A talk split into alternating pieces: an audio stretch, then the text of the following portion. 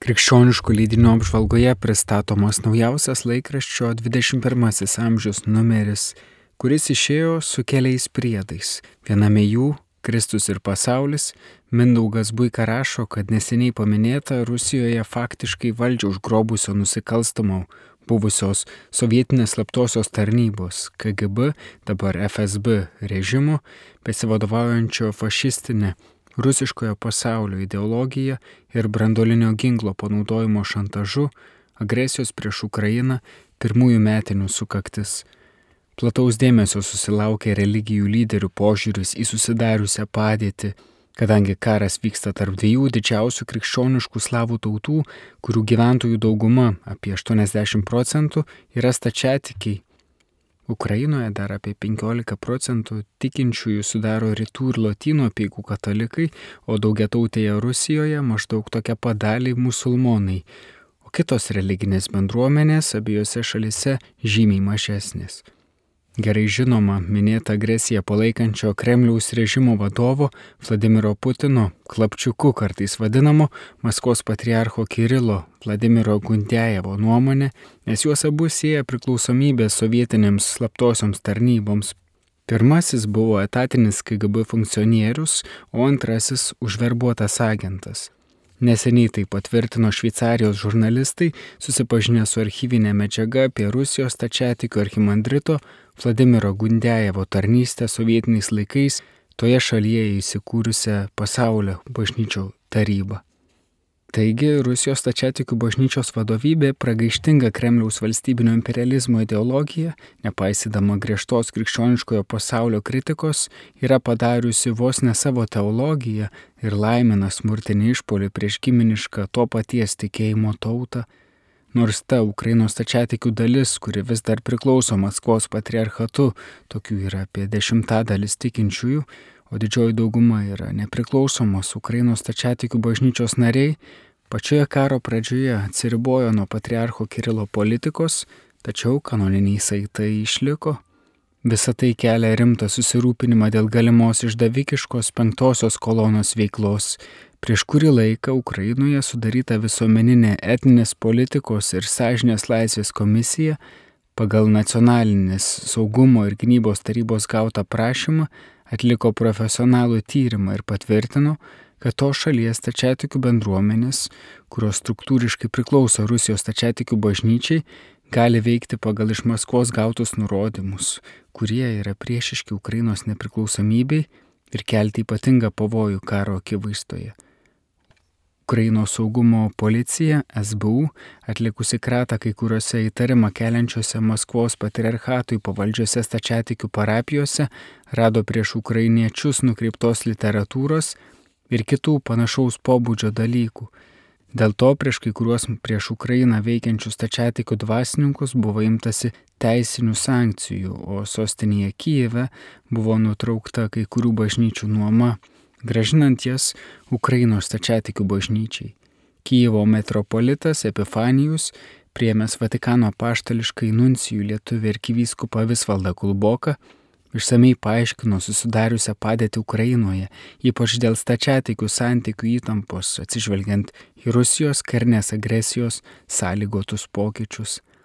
Kaip teigiama po susitikimo paskelbtame komunikate, Didžiausia Ukrainos bažnyčia priešiškumo Maskvos patriarchato bendruomenėms nejaučia, tačiau būtina apsaugoti šalies dvasinę erdvę nuo Kremliaus režimo manipulacijų, kurios dėl hybridinio karo įtakos perkeltos į vienašališką rusiškojo pasaulio ideologiją, primesta ir bažnytiniam gyvenimui.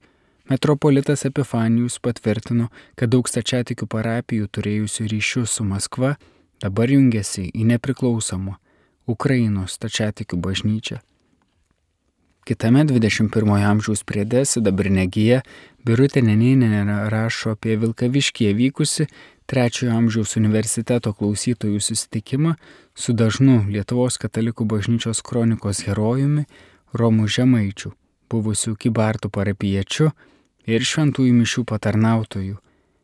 Už aktyvę religinę ir tautinę veiklą jis nuteistas būdamas tik 18 metų. Prie debipus Nemuno Rūta Verkienė dalies įspūdžiais iš Marcinkoniškių žygio Adolfo Romanausko Vanago laisvės kovų keliais, kuriame ėjo ir klebonas kuningas Bronius Krakevičius. Laikraščio priede Provita Zita Katkienė pasakoja apie tai, kad Šiaulių ligoninėje atidengta atminimo lenta urologijos skyriaus įkūrėjui, gydytojui Alfonsui Stakėnui atminti, o jo sūnus, žinomas atlikėjas Virgis Stakėnas, padovanojo tėtės archyvą.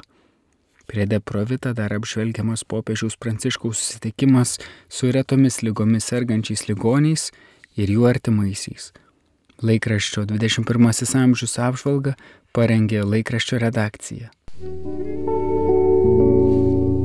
Kovo artuma, kopimas į kalną, gavėnios stebuklų ir sinodinėme kelyje.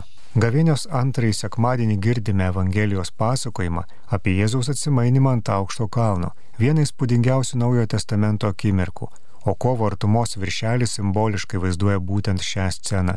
Ir pagrindinis leitmotyvas siejantis daugelį šio numerio temų - tai kopimas į aukštesnius ar mažesnius mūsų kalnus tam, kad pasiektume mums atsiveriantį stebuklą bei grožį. Popiežius Pranciškus gavėniai skirtame laiške kviečia žvelgti stiprų ryšį tarp šio liturginio laikotarpio ir tebe vykstančio sinodinio kelio. Reikia leistis į kelią, kylantį aukštyn, reikalaujantį pastangų, pasiaukojimo ar susikaupimo, panašiai kaip žygėje kopiant į kalnus, rašo šventasis tėvas, tik į priekį. Mėgdavo sakyti šviesaus atminimo palendrių benediktinų vienuolis tėvas Žeraras, artumos redaktorius Diakonas Darius Chmeliauskas laiškė skaitytojams, minėdamas kovo 31-ąją būsenčias daugelio mylimo vienuolio iškeliavimo metinės, dalyjasi jo laišku. Nors gavau jį prieš septynerius metus, tačiau man dink jis pranašiškas, nes labai sinodiškas. Buvo dar daug metų iki popiežiaus pasiūlyto sinodinio kelio, o tėvas Žeraras, aptardamas hierarchijos dvasininkijos ir pasauliečių santykius, pataiko kaip išerdį, rašo diakonas Darius. Savo sunkų kopimą į kalną vis dar išgyvena Ukrainos žmonės, jau metus priversti didvyriškai stovėti neteisingo ir žiauraus karo akivaizdoje. Artuma kviečia skaityti nuotolinio pokalbio ištraukas su nuncijumi arkivyskupu Ukrainoje Visvaldu Kulboku Dabar Bahmute, Soledare vyksta labai nirtingi mūšiai. Neseniai karo kapelionas atsiuntė nuotrauką.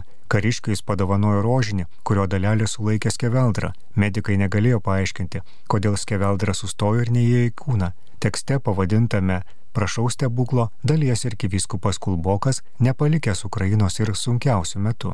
Savo kalnus per šiuos metus įveikė ir tie Lietuvos krikščionys ortodoksai, kurie atsiribojo nuo karą šlovinančio Maskvos patriarcho Kirilo ir už tai buvo šmeižiami, o galiausiai ir pašalinti iš kunigystės. Tačiau vasario 17-ąją sulaukėme žinios, kad visuotinis Konstantinopolio patriarchatas panaikino šią neteisingą bausmę penkiems kunigams ir priemė savo globon, Penkiems kunigams visuomenė gali padėkoti ne tik už drąsos bei sąžinės pavyzdį, puikiai komunikuodami ir kantriai aiškindami įvairius teologinius, teisinius, istorinius niuansus. Šie krikščionys padėjo mums geriau suprasti, kas yra ortodoksų bažnyčia, kaip įveikia ir kodėl Maskvos patriarchatas anaiptol nėra lygų visai ortodoksijai. Komentare drasus spėjimas dėl visuotinio patriarchato Lietuvoje rašo Simonas Benčius.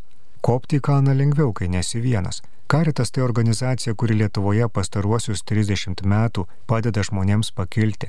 Kokią žymę karito atkūrimas nepriklausomybės pradžioje paliko tuo metiniam jaunimui, kaip veiklus gailestingumas plito ir kuo karitas gyva šiandien. Žinojame, Lietuva bus laisva, tačiau patiems tapti valstybės ir karito atgimimo liudininkais buvo didelis įvykis. Buvome jauni, bet aiškiai suvokėme, koks svarbus karito kvietimas - kilti ir kelti. Tuo laiku prisimena viena iš pašnekovių, Aušra Kelpšienė straipsnėje Karitas istoriją kurkime kartu. Viena iš artumai svarbių sinodinio kelio temų - moterų vaidmuo bažnyčioje. Šį kartą skaitykite komentarą daiktavardžiai, įvardžiai ir mes pačios, kurio autorė Junktinė Amerikos valstijų lietuvė poetė, filosofijos mokslų daktarė Marija Stankų Saulaitė. Ji pasakoja apie lietuvio ausiai neįprastos, savo dvigubos pavarties istoriją ir kartais per daug vyrišką kalbos viešojo erdvėje vartojimą. Lietuvos laikraščiuose ir programuose tebeskaitau ir girdžiu tokių kuriozų, kai moteris apie savo profesiją ir save kalba vyriškąją giminę, apie savo dukters požymius kalba vyriškosios giminės įvardžiais, būdvardžiais, diktavardžiais, pagalvoju, kaip jausčiausi gyvendama Lietuvoje, kur negimiau ir nesu gyvenusi, jei apie mane būtų kalbama vyriškosios giminės terminais arba mano brolis būtų buvęs kalbiškai svarbesnis už mane. Sinodinio kelio esmę aptarė artumos skaitytojams gerai pažįstamas čekų teologas, disidentas ir kunigas Tomašas Galikas, kuo svarbus bažnyčios atsinaujinimas ir kaip su tuo susijusi sinodinė kelionė. Tai jis apmasto vasario pradžioje į Europos žemynų sinodinę asamblėją Prahoje susirinkusiems dalyviams. Daugelį Europos šalių bažnyčios vienuolynai ir seminarijos yra tuščios arba pustuštės. Jėzus mums sako tą patį, ką ir išsekusiam žvėjams. Pabandykite dar kartą ir kitės į gelmę. Bandyti iš naujo - tai nekartoti senų klaidų. Reikia drąsos ir atkaklumo, norint palikti seklumą ir eiti į gelmę. Sako kunigas Halikas. Išsameu tekste, kodėl jūs bijote, argi neturite tikėjimo. Šios ir kitos temos kovo artumoje Apžvalgą parengė redakcija, perskaitė Andrius Sakalauskas. Naujame žodžio tarp mūsų kovo balandžio numeryje skaitytojai kviečiami visą gavėnę kasdien mokytis Kristaus maldos mokykloje. Kaip dėrėtų melstis, ko maldoje reikėtų prašyti, mus moko pats Kristus. Šventajame rašte jis įtikimiausias ir paveikiausias maldos pavyzdys. Kristus melsdavosi nuolat, Žodžio tarp mūsų straipsneliuose apmastomos trys itin svarbios jo maldos užrašytos Evangelijose. Pirmoji - Tėve mūsų malda, kurios Jėzus išmokė savo mokinius. Būtent taip, su vaikams būdingu pasitikėjimu, jis mus visus paragino kreiptis į jo ir mūsų tėvą.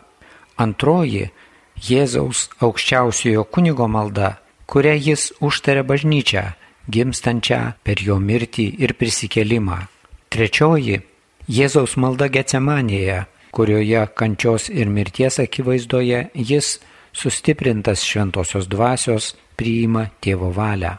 Be to, žodėje tarp mūsų tęsiami psalmių apmąstymai. Rašoma apie dėkojimo Dievui psalmes ir aiškinama, kaip suprasti psalmininko maldoje vis nuskambantį keršto troškimą. Kuo šie kerštingi šūksniai turėtų tapti krikščionio maldoje? žodžio tarp mūsų kovo ir balandžio mėnesių kasdienės Dievo žodžio meditacijos padės kantriai ir ištvermingai įveikti gavėnios dykumą ir pasiekus Velykas džiugiai tarti, iš tiesų Kristus prisikėlė. Žurnalo ieškokite katalikų knyginuose ir savo parapijose.